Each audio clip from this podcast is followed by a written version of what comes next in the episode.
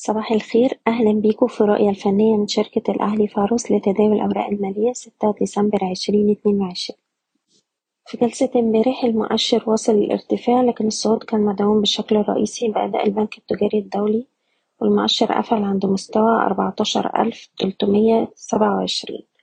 الناحية التانية كتير من الأسهم امبارح قفلت على تراجع خاصة الأسهم الصغيرة والمتوسطة. امبارح بدأت تشهد عمليات جني أرباح ومؤشر السبعين قفل على تراجع دلوقتي المؤشر بيقترب من مستوى مقاومة هام عند الأربعتاشر ألف وخمسمية.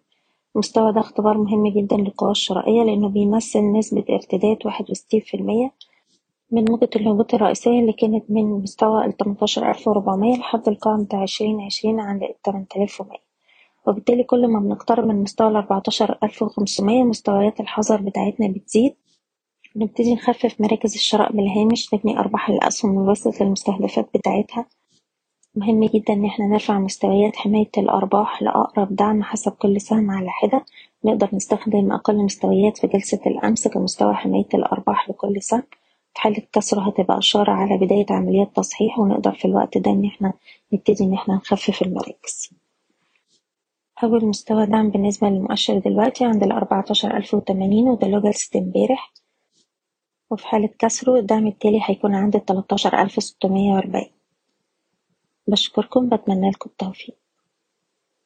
إيضاح الشركة غير مسؤولة عن أي قرارات استثمارية يتم اتخاذها بناء على هذا التسجيل.